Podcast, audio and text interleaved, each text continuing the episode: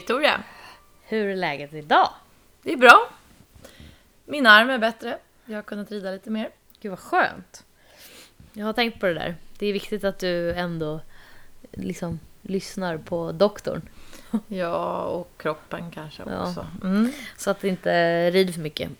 Ja, nej men det, det känns faktiskt jättebra. Det är så att eh, alla hästar i stallet är i mer eller mindre full gång nu. Så att jag har jättemycket att rida på. Mm. Och det är inte så vanligt. Nej. Det är ju nästan alltid någon som, ja nu var det en i helgen i och för sig som fick upp en, en sko i hoven. Det gick jättebra allting men då måste man låta det lägga sig lite och så måste hovslagaren komma och fixa. Men det är ju så här med hästar och det vet ju alla som har häst att man ska vara väldigt glad varje dag som man kan gå ner och rida på dem för det är så mycket som kan hända. Mm. Det är så lätt att det händer någonting. Alltså an- antingen i boxen eller i hagen eller när man rider. Ja. Och eh, de eh, tävlingshästarna de behandlas ju lite av veterinärer för att man också ska underhålla så att det inte blir några stora skador. Och vi kanske kollar upp dem oftare. Precis som, nu har vi kommit in på det här, jag jämför ofta hästarna med elitidrottare. Men eh, fotbollsspelare och alla elitidrottare de kollar ju också upp sina kroppar mycket oftare än än en normal människa. Och det är ju lite samma sak med våra tävlingshästar. Vi vill ju mota Olle grind och försöka liksom förebygga skador. Och då kollar vi ju upp dem så att de hela tiden ska må så bra som möjligt. Vilket innebär att de eh, ofta behöver lite viloperioder då när man har, har hittat någonting. Och eh, den här perioden över vintern så är det ju en träningsperiod och då brukar man ju passa på att kanske kolla alla innan jul och sådär om de behöver vila. Har du någon mer än eh, veterinär som kollar igenom dina hästar?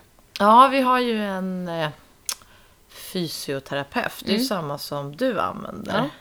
Karin. Och hon, eh, har väl, hon kommer väl hit ungefär var femte vecka. Mm.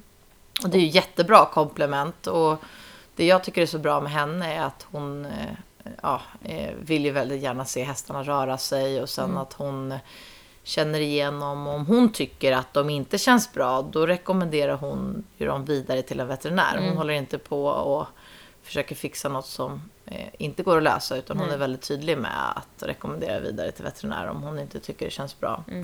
Sen får man många stretching-tips och ja, eh, Som indiv- individuella för just den hästen. ja. Och där kan man ju grotta ner sig i hur mycket som helst. Men skulle man göra allt sånt här på varje häst så skulle man aldrig bli klar i stallet. Utan man får försöka ta med sig det de behöver mest. Men det jag tycker är så bra med eh, en person som då fysioterapeut som går igenom hästen är ju att de ofta kan hitta om det är någonting eh, som de ser är på väg. Ja. Så att de kan förebygga det och kanske förhindra också att man, det kan gå så långt som man måste åka till veterinären. Sen kanske vi om, alltså det är alltid bra när någon tittar på ens häst på ett annat sätt. Ja. För vi kanske skulle, om vi la den tiden hela tiden på att massera och stretcha och känna på hästen, skulle vi kanske upptäcka eh, mer själva. Men man gör ju inte det för man är inne i sitt ekorrhjul och ryktar och klär på och går ner och rider. Och så tycker man att något inte funkar. Då är det så bra att det kommer nya ögon och andra ögon utifrån sett som kan känna om de har en sträckning eller det skulle vara någonting. Och ibland kan jag tycka att det blir så uppenbart också om man inte har sett hästen på ett tag. Alltså om du ser dina hästar som varje dag så märker du inte liksom, kanske skillnad från dag till dag. Men om man ser den med fem veckors mellanrum då kanske det, ja, om man inte har sett hästen på fem veckor så kanske man ser någonting helt annat. Ja, och så kan ju hon absolut göra att nu har den tappat muskler eller Mm. den ser jättemycket bättre ut i kroppen eller känns mycket bättre. Så det är jätteroligt att kunna ha ett... Och sen, alltså jag märker ju jättestor skillnad när hon har känt igenom mina hästar. Mm. Precis som när du och jag har varit hos en kiropraktor, naprapat eller massör. Liksom, så är det ju jättebra för hästarna. Och jag önskar att man kunde ha. Jag skulle gärna ha henne varje vecka. Men det är ju en kostnadsfråga också. Ja. Men det är ju jättebra att ta hjälp med den biten. Men eh, det är ju så här när man har häst. Jag vet ju jättemånga som kanske bara har en häst. Och då när det händer någonting med hästen. Då är man ju... Då blir det väldigt tråkigt att ha häst. Det tar ju nästan mer tid att ha en konvalescent häst. Ja, Än att ha en häst i full träning. ja. Och du var ju med om det här ganska nyligen. Ja, för ett år sedan så ehm, var min häst, eh, eller blev min häst friskförklarad. Eh, hon, eh, vad var det, i september, ja inte detta året utan förra året, när jag skulle ta in henne från hagen så tyckte jag hon betedde sig konstigt. Och sen så fortsatte vi liksom att grotta i det där och nej, hon kom ju varken åt mat från marken eller kunde dricka själv. Hon kunde det, men hon var tvungen att liksom lyfta på ena frambenet för att kunna ta sig ner med nacken. och det var så... Ja, det var, alla tyckte det var jättekonstigt och vi tog ut distriktsveterinären först på en gång. Och hon tyckte vi skulle åka in och kolla på klinik. Och de höll ju på att utreda henne i ja, men, till slut liksom fyra månader eh, innan de kunde konstatera, konstatera att hon var frisk. Men innan det så var hon jätte, jättesjuk. Eh, jag vet fortfarande inte riktigt vad det var för någonting. Det fanns olika teorier eh, om vad det kunde vara, men vi gjorde liksom allt som, som gick. Vi ultraljudade, vi röntgade, vi skintröntgade, så jag fick åka med henne till Ultuna och lämna in henne där några dygn för att de skulle ja, göra en sån skint på henne. Och det var både en liksom eh, en jättelång och jobbig resa för att jag var ju tvungen att ja, I perioder så var hon installad där, eller hon fick stå där, både i isoleringsbox men också på kliniken för att hon mådde så dåligt. Hon fick väldigt mycket smärtstillande och eh, jag hade väldigt ont. Jag vet ju att när du ringde efter mig första gången och visade mig henne så tänkte jag att det här liksom kommer aldrig gå. Nej. var ju min spontana tanke. För jag trodde ju att hon hade en, en fraktur någonstans. Ja. Jag var ganska säker på att hon hade skadat eh, halskotpelaren eller mm. liknande. För att eh, hon hade ju ett sånt vingligt beteende, ett onormalt vingligt beteende och eh, framförallt att det var så oliksidigt. Hon mm. har ju jättesvårt åt ena hållet. Mm. Eh, så att eh, det... Och det var så konstigt också för det kom ju verkligen från en dag till den andra. Mm. För att innan så hade jag ju ridit på som vanligt. Uh, så att jag, det... Ja, de, de... Vi misstänker ju då kanske att hon hade borrelia. Ja. Uh, och borrelia är ju någonting som många veterinärer både för och emot. Mm. Och, och det, liksom, det, finns inte så mycket fastställt kring det som jag förstår Nej. när man frågar om det. De men... brukar inte diagnostisera med borrelia för att, för att man ska kunna konstatera att det är det så måste man eh, ta då blodprovet under det dygnet som borrelia eh, löser ut. Ja. Eh, men man, vi kunde se att hon hade förhöjda antikroppar mot borrelia. Och då kanske hon har haft det någon gång från att hon föddes till att hon då var... Men det enda som hjälpte var ju också en lång kur antibiotika på klinik intravenöst. Precis. Och... Det, det slutade ju där att att eh, jag var liksom så här, vi måste kunna göra någonting. Och de drog ut på den här antibiotikakuren. Men, eh, men till slut så bestämde de sig för att det var det sista de kunde göra och hästen mådde för dåligt mm. utan. Så då fick hon ju både morfin och antibiotika intravenöst i ja, men säkert tio dagar. Ja. Eh, och efter det så vände det ju sakta men säkert. Men det var ju många månader där, där man inte visste om eh, ja, hur, hur det skulle gå. Och det var ju fruktansvärt. Dels för att eh, man var orolig hela tiden för att man inte visste vad vad problemet var och det är så, det är så typiskt med hästar att de inte kan prata. Men eh, ja, nej det var... Och en sjuk häst tar ju som sagt jättemycket mer tid. Mm. Eh, och bara, kostar mer pengar. Och det kostar mer pengar. oh, gud. Så att man, eh, man måste ju verkligen hålla ut. Men mm. älskar man djur så vill man ju bara att de ska må bra. Mm. Det, man, och därför tycker jag, det är det jag känner, man ska vara så glad varje ja. gång man kommer ner till stallet. Och så här, visst, man kan ha ett dåligt pass, men mm. hästarna går att rida på och mm. man har ändå, ja, som Kopper nu, som man kan sitta och göra piaff och passage och byten i varje på. Man ska mm. vara så glad mm, liksom. för verkligen.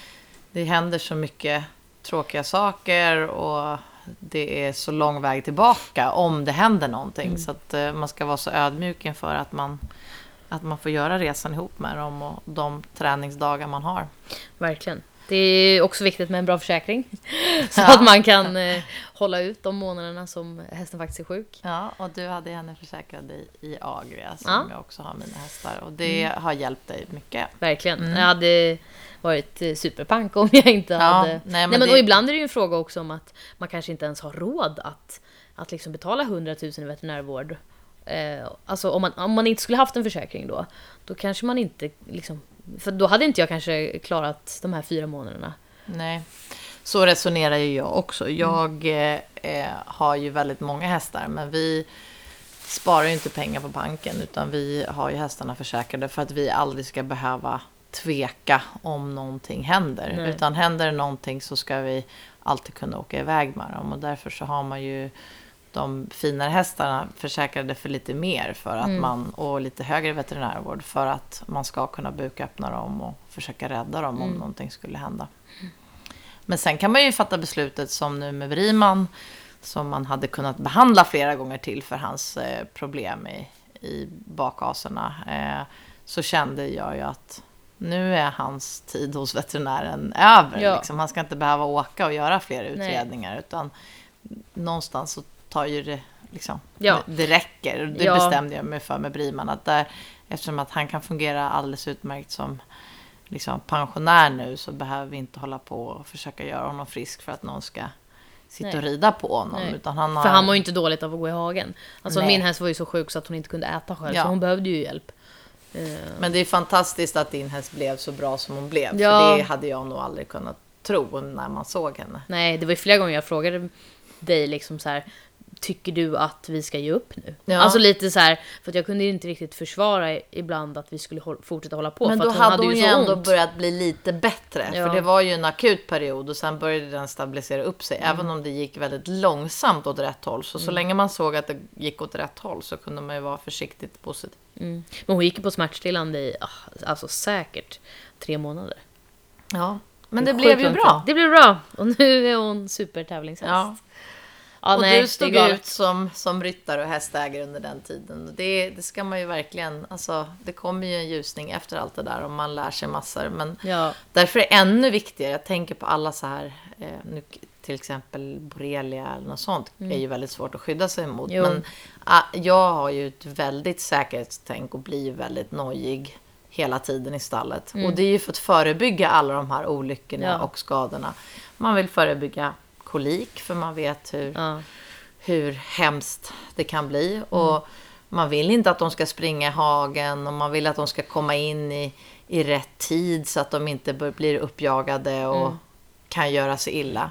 Man behöver inte linda in dem i bubbelplast. Man kan försöka hålla hästarnas vanliga rutiner och man kan minimera riskerna. Man behöver inte lämna halmgrepar på framme på stallgången. Och, alltså det är mycket så små saker vi försöker se över så att det inte händer någonting. Nej. Nej, men det är superviktigt. Så att man inte ja, men är den som orsakar skadan. Alltså, när en häst har skadat sig så är det ju ofta att man tänker så här, kunde jag gjort någonting annorlunda? Och det vill man ju inte kunna svara ja på. Nej, och det lär man sig ju, ju längre tid man har haft hästar. Alltså, nu har jag ju förmånen att ha en mamma som har drivit den här verksamheten i 50 år snart. Och eh, då har man ju alla de här orden bakom när man står så här akta, akta och kratsa inte bakhovarna med en boxdörr öppen. Och eh, den där grinden kan inte stå så där för då kommer någon häst fastna. För det är ju jättemånga gånger det går bra, men den Ja. där gången när någonting väl blir fel, då ska man inte ha, ha någonting i vägen. Det är ju så. Så att man har lärt sig jättemycket på det och jag försöker ju lära alla som är här det tänket för att det inte ska ske några onödiga olyckor. Och det är inte bara för hästarnas skull, utan det är ju för ens egen skull också, så att man inte...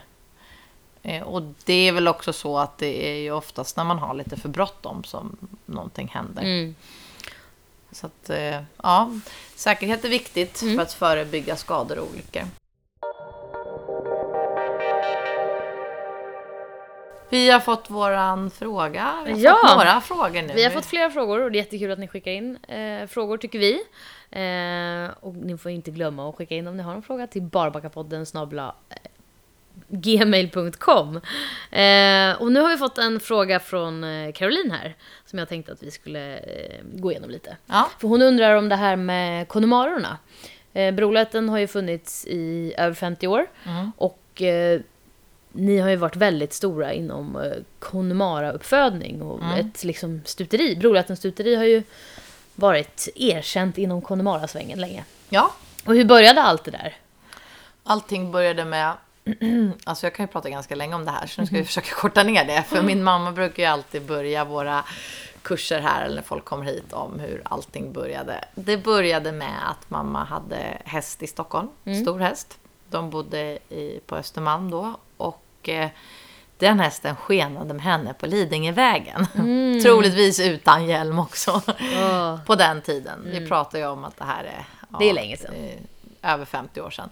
Ehm, och sen började hon rida på Värnberg och eh, där hade de importerat Connemara. Så att hennes första häst då var en, en Connemara. Och sen i samma veva så började mormor och morfar leta gård. Och så hittade de Brolöten. Eh, och eh, då flyttade mamma och morfar och mormor ut hit. Och eh, då fanns det får här, så under en period så hade de fåren kvar och försökte driva det. Men eh, sen eh, så eh, funderade de på att åka till Irland eftersom att mamma hade Connemara. Så funderade de på att åka till Irland. Och då tänkte mamma att de kanske skulle övertala mormor och morfar att köpa ett par till Connemara så att de kunde driva verksamhet eh, med det. Men då köpte de 18 stycken. Det var första gången. Så det var första gången. Ja. Och eh, eh, sen började ju mamma driva ridläger här ihop med, med mormor och morfar. Eh, och sen har ju det fortsatt. Mm. Och mamma började också avla på mm. Och sen åkte de ner två gånger till och köpte Connemara som de sålde och använde i verksamheten. Och sen har ju vi haft Connemara för att vi har fött upp dem och, och behållit Connemaran hos oss hela tiden. Ehm, För ni red ju, både du och Christian red ju mycket på Connemara när ni var mindre. Ja. Eh, men sen så i och med att jag och Christian blev äldre så blev det ju större och större hästar i stallet. Och eh, eh, under en period så avvecklade vi både ridlägarverksamheten och eh, stuteriverksamheten med Connemara helt. Och sen så fattade vi beslut om att eh, vi skulle börja ha ridläger igen. Och då lånade vi in ponnyer. Och varken jag eller mamma tyckte om de här ponnyerna så mycket som vi lånade in. Vi, kunde inte, vi hade inte kunnat utbilda dem själva och vi saknade våra Connemara helt enkelt. Det är ju världens för- bästa hästras. Ja, du har ju också haft en Connemara. Jag har haft en Connemara. Så för snart fem år sedan så bestämde sig jag och mamma för att vi skulle åka till Irland igen. Mm. Förutsättningslöst tänkte jag och jag hade en bestämd budget och inte fler än, än fyra, fem i alla fall tänkte jag. Men vi kom hem med nio stycken då. Mm. Eh, och det har ju varit, du har ju hjälpt mig jättemycket med den här resan. Att Mm. Vi har hjälpts åt att, att rida dem och några har behövt ridas in och eh, få ordning på dem så att de har gått att använda verksamheten. Ja, de kan ju olika mycket när de kommer. Eh, ni köper ju både Connemara på auktion och sen även hos liksom, uppfödare. Ja, och nu har vi ju varit, nu, eftersom vi är inne på 50-året nu, vi har bokat flygbiljetter så vi kommer åka i februari nu igen, eh, så har vi byggt upp ett ganska stort kontaktnät på Irland. Eh, Och jag, mamma ser ju, eftersom hon har varit jätteduktig på avel, haft godkända hingstar och kan Connemara, så ser ju hon jättebra vilken modell, liksom, hur korta de ska vara och Ja. hur de ska se ut i modellen. Det ser hon ju jättebra.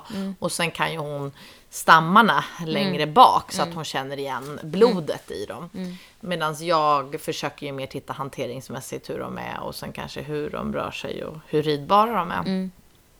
Så det finns flera uppfödare och hästhandlare vi har kontakt med där nere. Det är inte så många vi ser innan, utan man åker, man, man har byggt upp en rutt och har ett kontaktnät med vilka hästar man, eller vilka eh, personer man ska åka till. Men sen så bestämmer man sig vilka, beroende på vilka ponnyer man ser. Och så hittar ni ponnyer då hos de här eh, olika uppfödarna eller stuterierna. Och så hittar ni även hästar på auktion. ja, Och då är det en, en stor auktion som brukar vara. Är det en ja gång och per det är år? en eller? Connemara-aktion. Eller två gånger per år. Ja. Men det är bara Connemara-aktioner vi åker på för att vi vill ha ponnyer med helt gröna papper. Mm.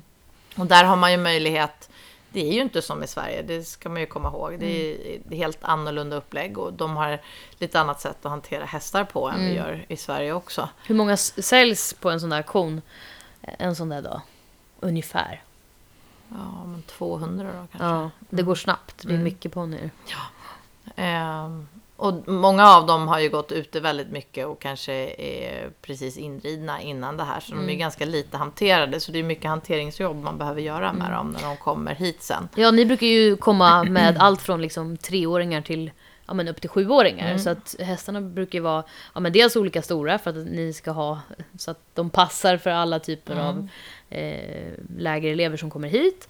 Och sen även olika utbildningsnivå. Alltså vissa kan mer och vissa kan mindre. Och det, de är ju alltid liksom, lite skeptiska i början när de kommer. Och sån, Ja, men det är klart, de har rest, vi kommer ju till det i hela processen, men när de har rest så långt och allting är helt nytt så är de ju väldigt försiktiga från början. Så att från början är det jättesvårt att veta vilka som kommer vara bäst Exakt. och gå och använda direkt på ridläger. Men vart efter så blir det ju väldigt tydligt. Men vi har ju haft som mål nu, framförallt de sista åren, att vi försökt köpa lite mer ridna ponnyer så att vi kan använda dem direkt på ridlägerna. Ehm, och eh, kanske lite äldre, det har väl varit någon treåring nu, men vi har försökt att köpa dem som mellan fyra och, och sju för att vi ska kunna använda dem på ridlägerna direkt. Sen är hela vår affär- affärsidé att vi köper dem på våren och eh, försöker kunna använda så många som möjligt under ridlägerna och sen sälja dem på hösten eftersom att vi inte har någon användning för dem under vinterhalvåret. Vi brukar bara hålla ett par stycken så att vi kan ha dem med på våra weekendkurser och sådär. Men eh, tanken är att vi ska eh, kunna sälja dem på hösten och vi gör inte det här för att man ska dubblera priset på dem eller någonting sånt. Utan för att vi tycker att resan är rolig. Att man köper in en, en väldigt fin ponny som kanske inte är så utbildad och har förtroende. Och sen så lägger man mycket jobb och kan använda dem. Och sen att man kan sälja dem som första ponny. Ja, Connemara är ju en väldigt bra hästras, eller en sund hästras. De kan ju gå både liksom hoppning och dressyr eh, och är väldigt sådär alltså, okomplicerad. Ja, och det är väl en- den typen av ponny. Det är klart att det finns massor med olika Connemara, men det är väl Mm. den typen av ponny vi letar efter. Vi letar ju efter en allround ponny som ska kunna gå lätt A dressyr, lätt A hoppning Mm. och eh, kunna hanteras av alla i familjen. Och kanske en mor och dotter ponny. Ja, men precis. Och vi har ju sålt jättemånga sådana som Ja. det har blivit jättebra med. Eh, Och sen är det klart att det är några av de här som kommer som är spändare och Ja. som tar mer tid. Och några av dem som kommer är jättebra så att man hade kunnat sälja direkt. Men ni lägger ju väl, eller vi lägger ju väldigt mycket tid på de här ponnyerna. Ja, och man ju veta att vi är professionella, Mm. eh, både jag och mamma. Och vi har byggt upp ett bra kontaktnät eh, där nere. Mm. Eh, jag vet ju att det är jättemånga som säljer, eller som köper ponnyer på Irland, kanske osedda. Mm. Eh, och eh, tar hem dem hit och sen så eh, får man höra då att jag köpte ponny på Irland och den var väldigt spänd eller väldigt Mm. svår. Och det kanske inte är helt rätt att bara för att spara några tusen lappar att man Nej. köper en, en ponny. Så det är inte, vårt koncept är ju inte att hit, det är framförallt för att vi vill hitta kondemarer och många kondemarer för att vi gillar rasen. Eh, och jag tror att det tyvärr är många i Sverige som eh, har köpt ponny på Irland och köper en för att det blir lite billigare och sen så får man hem någonting som inte blir bra för att man inte har kunskapen. Så att, eh, Nej, alla de här hästarna måste man ju liksom bygga förtroende med och, och jobba mycket med. Ja, och det är ju det vi ser att vi kan göra. Lägga Ja. väldigt mycket jobb så att de går att använda och blir bra sen. Och, eh, det har ju varit superkul. Och jag tycker det är en väldigt rolig resa att göra när man eh, kommer dit ner och, och ser de här ponnyerna som... Det är mycket vuxna som håller på med dem, det är inte så mycket barn. Och eh, de kanske är lite hanterade. Och så kommer de hit till Sverige och så pysslar vi med dem och rider in dem och utbildar dem. Och sen så gör de en liten flicka superlycklig och Mm. Ja. Mm. blir första ponny och de älskar dem över allting annat. Så de får ju jättebra liv alla Verkligen. ponnyerna. Verkligen. Mycket bättre liv än nog de hade bott kvar där förmodligen. Ja, det tycker ju jag. Ja. Det är ju min bild. Men eh, det man ska tänka på då om man skulle vilja göra det här, eh, köpa ponnyer på Irland, så skulle jag ju... För det var väl det hon frågade tjejen som har skrivit till oss, att hon hade funderat på om hon... Eh, ska du ta fram mejlet kanske? Nej, men mer alltså hon bara undrar hur, hur processen går till. Ja, okej. eh, eh, ja, vad kollar man på med hästarna? Hur mycket kan de när, när ni köper dem? Och hur går den typen av hästköp till?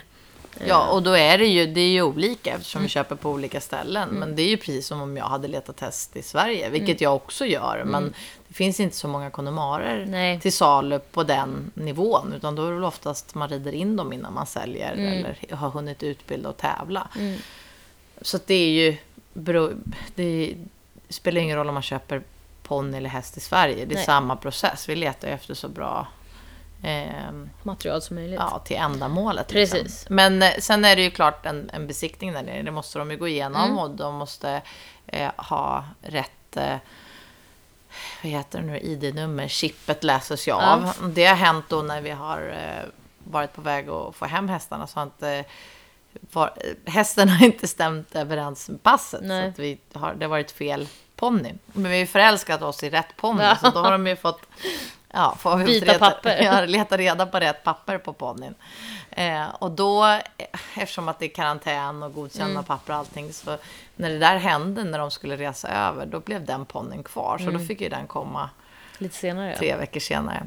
Men hur funkar det? Ni, ni hittar kanske fem eh, ponnyer? Mellan fem och tio. Mm. Och sen så eh, samlar man dem på samma ställe Ja. och bokar en transport Ja, som kör hem dem. Ja, eh, och det har varit lite olika. Eh, Det är en av dem som vi har köpt hästarna ifrån som har samlat ihop alla hästar på ett och samma ställe. Sen har vi också fått hjälp av transportörerna som vi har kontakt med eh, på Irland och under auktionen. Så att eh, nu sist så var det samma transportör som skulle köra dem till Sverige som samlade ihop dem och hade alla ponnyer tills innan eh, de åkte.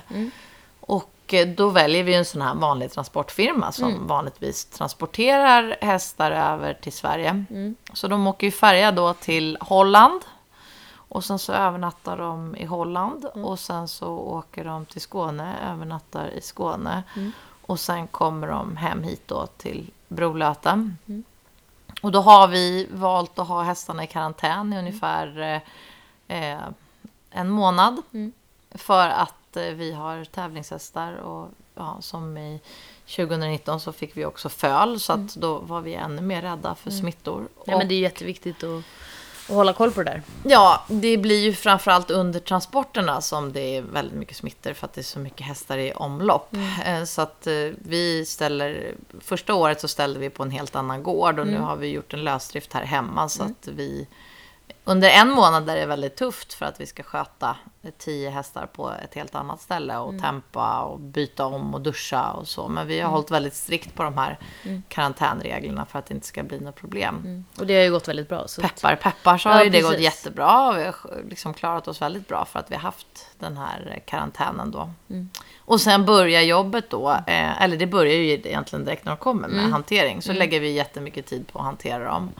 Och du har ju fått lägga många kvällar och helger här då när ponnyn har kommit för att vi ska rida och fixa och greja. Men det är väldigt bra för att när ni får hem fler sådär så brukar vi försöka ri- rida dem tillsammans. Ja. Och det märks ju att de, de trivs ju att vara i grupp. Det är därför de också funkar så bra på ridläger. Liksom. Eh, så då är vi många som rider samtidigt och lite på led och lite sådär att det är precis som när man rider in den här så gör man liksom kortare pass i början och inte så avancerat. Men att man hela tiden bygger förtroendet för varje Ja. pass man sitter på dem. Men att det är väldigt kul, för då hjälper ju alla som kan till att att sitta på de här ponnyerna. Och jag kom precis upp nu efter att ha haft, eller för att ha haft lektion för eh, några av våra konemarer och eh, två tjejer som har varit här över helgen och eh, hjälpt till. Och det är många som vill komma hit. Eh, tjejer som vill tillbringa sina helger på Brolöten och få hjälpa till i stallet och sen få rida. Och det är jättekul att kunna göra det. Framförallt nu i vår om det kommer fler ponnyer igen. Att vi har många tjejer som har varit här på ridläger och sen vill fortsätta komma till Brolöten och hjälpa till att rida på våra ponnyer. Ja, jag älskar ju Connemara. Jag tänker... Jag säger ofta att jag ibland borde köpa en Connemara istället för att det är en så... Jag vet inte, smart eh, liten häst. Ja, men det är ju därför vi gör det här. Och återigen, vi åker ju till, till Irland för att just hitta konnemarer och vi älskar rasen. Och det är sunda, trevliga hästar med fina gångarter som kan gå både hoppning och dressyr. Och det jag tycker är bäst med dem det är att för, de är så pass snälla och så godhjärtade så även om de inte är så mycket hanterade så går det ju väldigt fort när man lär dem rätt. Precis. Och eh, de har väldigt bra bjudning. Så att eh, många hästar som är snälla, de kanske är lite tråkiga och blir lite trötta. Men de här är så himla roliga att rida på för att fast de är snälla så har de bra motor. Och det är ju väldigt viktigt för barn då när de börjar med sina eh, första ponnyer att, att de får en ponny som ändå vill gå fram Ja. liksom, så att det inte blir tråkigt bara för att den är snäll. Och, och det tycker jag inte att Connemaren är. Nej. Så att eh, mamma var på och tjatade här nu för några minuter sedan bara Ja. att vi skulle gå in och kolla på och boka hotell. Så snart är vi igång igen. Vi Ja. har ju sålt eh, sex ponnyer nu under hösten och Mm. snart blir det ett helt gäng nya. Och då är det många som frågar mig, är det inte bättre att bara behålla dem Mm. istället? Men vi tycker ju att resan är så rolig Ja. också. Så just för ridlägarnas skull så kanske det hade varit bättre att bara behålla samma gäng Mm. som blir mer och mer rutinerade. Men vi, vi tycker ju att resan och utbildningen är, är så himla rolig så vi vill ju gärna fortsätta med det. Ja. Ja, jag ser fram emot det nya gänget som kommer komma här i... Ja, när brukar de komma? Någon gång i mars? Ja, eh, vi åker ju i februari Mm. och sen så kommer de i mars eller april lite beroende på hur transporterna går. Det ska bli superspännande att se. Det brukar alltid vara flest eh, skimlar. Ja, men det är ju så. Många skimlar. Nu lyckades vi ju få två gula här, Mm. eller två Isabeller, eh, förra året när vi köpte. Ja, nej. Det är bättre med fler färger så man kan se skillnad på dem när de kommer. Ja, men vi kom ju in lite det här på att leta häst och så. Och Mm. jag tycker ju att det är jätteviktigt att man eh, tar bra hjälp. Mm. Vi försöker ju vara väldigt ärliga när folk är här och tittar på ponnyer eller hästar. För att vi vill ju att det ska bli så bra som möjligt för de här hästarna som vi tycker så mycket om. Mm. Eh, och vi vill ju gärna vara med på resan. Mm. Det roligaste som finns är att sälja en ponny och sen så kommer de tillbaka Ja, på till oss på ridläger eller på helgerna och tränar. Och, och så få se den utvecklingen som de gör. Och Det är ju superroligt. hur man oftast växer tillsammans med sin ponny. För när man, när man är relativt liksom, ung och får en ponny så, så är det ju en resa man gör både som liksom, ryttare och, och häst. Att det blir så tydligt att ja, men en ung tjej eller kille växer tillsammans med, Ja. med hästen. Man utvecklas ihop. Mm. Och eh, det är väl många som kanske eh, inte tar rätt hjälp från början när man köper häst. Och då är det ju ofta det blir fel. Så Mm. att, eh, Och framförallt om det är första ponnyn som man köper så är det ännu viktigare att det blir rätt. Så att Mm. man inte tappar självförtroende eller tröttnar eller... Och så ska man ju inte lyssna på alla, utan man ska ha en tränare eller någon Ja, man någon har man litar på. förtroende för som man tar hjälp av och så kör man på den linjen. För det är ju många jag vet som har varit och tittat på ponnyer här och vi är väldigt ärliga då och säger så här, du ska inte ha större än C-ponny nu för att du, du är för liten. Ja, men vi vill ju ha en häst som kan rida länge. Jo, men man kan inte köpa eh, större skor än man Än kan man ha, för då blir det fel. Ehm, och eh, där är vi väldigt tydliga och säger så här, nej, och du, det är inte aktuellt. Du får inte Mm. Nej. köpa en D-ponny av oss, Nej. för liten. Och Alternativet är ju att man har en häst på foder som är C-ponny tills Ja. man liksom har vuxit till sig lite och sen då köper en D-ponny. Men vi är väldigt noga med att man ska ha rätt storlek Ja. för, för barnen. Så att, för att det blir både farligare och svårare Ja. när de är för stora. Men sen också att man inte väljer någonting som är för svårt från Nej. början. Och eh, lyssnar man på väldigt många då blir det risken att, att man blir osäker och sen att man eh, kanske fattar fel beslut för att man får så mycket input. Så jag tror att det är jättebra att välja någon som har mycket kunskap, eh, både tränare och ryttare själv och eh, som kan vara med och hjälpa till under resans gång. Och då ska man knyta en sån person till sig när man letar häst och så ska man gå på den linjen. Sen är det klart att man ska ha magkänsla och, och bra veterinärer och allt det där. Men eh, många gör nog felet att man tar eh, liksom inputs från för många och blir väldigt osäker. Man, man ska ha någon nära sig som man litar på. Och jag kände ju så nu när vi letade häst, när vi hittade Tesla, så ehm, provade jag massvis med hästar och det var ingenting som jag själv tyckte var bra. Och nu när jag tyckte att Tesla var så himla bra, då har jag ju en väldigt liten krets människor som är med i beslutet och som jag anförtror mig åt.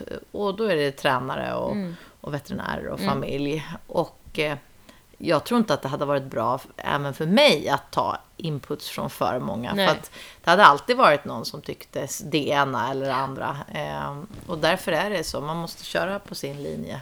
Och eh, ja, bygga upp ett team runt sig som man litar på. Och inte, jag tror att många också köper yngre hästar för att de kanske är billigare och har fin stam. Men det är ju någonting som, ja men jag köpte en ung häst med fin stam från er och hade inte jag stått här och fått den hjälpen som man behöver med en ung häst så, så hade jag nog fått liksom problem. Eh, så det är och viktigt det är också kanske att... framförallt på stora hästar. För ponnyerna som är utbildade som är 5-6 år, om de är utbildade av en vuxen här, då är Mm. de ju eh, oftast väldigt välridna. Kanske mer välridna än en 7-8-åring som är utbildad av ett barn. Mm. Men när det gäller stor häst så, så har ju de kanske lite annat temperament än, än konnemarerna. Mm.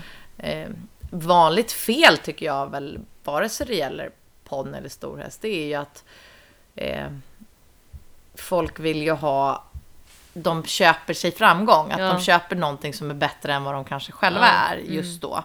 Eh, och det är nog viktigt att man köper en häst som är på den nivån som man själv är. Så att man inte köper sig någonting som är för svårt. Nej. Som du sa, inte köpa för stora skor. Nej, och jag menar, många som kommer hit kanske har tävlat Sankt Georg och säger att de vill rida Grand Prix. Men Mm.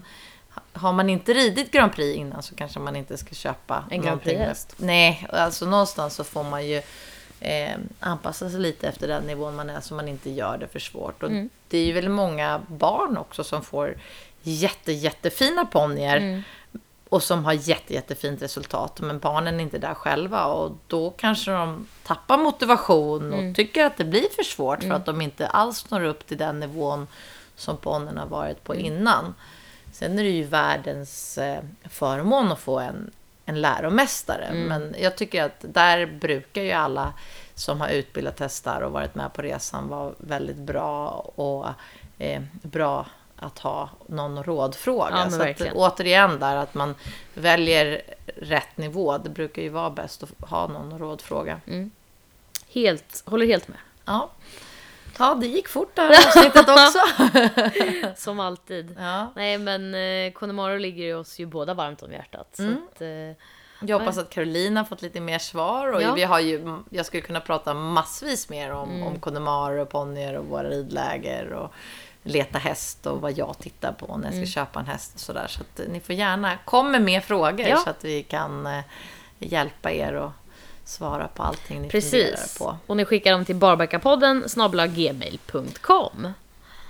Ja, Vad händer nu då, Victoria? Vad ska du göra? jo men eh, jag ska åka och hälsa på min häst. Mm. Jag har ju varit eh, här och ridit lite häst hos eh, dig. Ja, det är ju kul nu att jag har fått eh, lite mer ridsällskap igen. Ja, För mig gör det ju ingenting att vi inte rider på din egen häst. Det är kul när du är här. Och podden gör ju att vi träffas mycket oftare. Ja, men så är det ju. Eh, nej men så jag ska åka förbi och, och borsta henne och ge henne morötter. Hon vilar faktiskt fortfarande efter hennes senaste tävling i Frankrike. Mm. Fälttävlanshästarna har ju väldigt långa viloperioder Mm. eh, emellan tävlingarna för att de går så hårt. Så att, eh, ja, skämma bort henne lite med äpplen och morötter. Mm. Och du då? Ja, jag ska gå ner och ta hand om hästarna igen. Mm. Mm. Ett litet avbrott mitt Ja. i... Nu ska vi plocka in dem och sen eh, så ska jag göra klart för kvällen. Jaha, men eh, då ses vi väl om en vecka igen då. Det gör vi. Ha det bra! Tack för att ni lyssnade. tack! tack.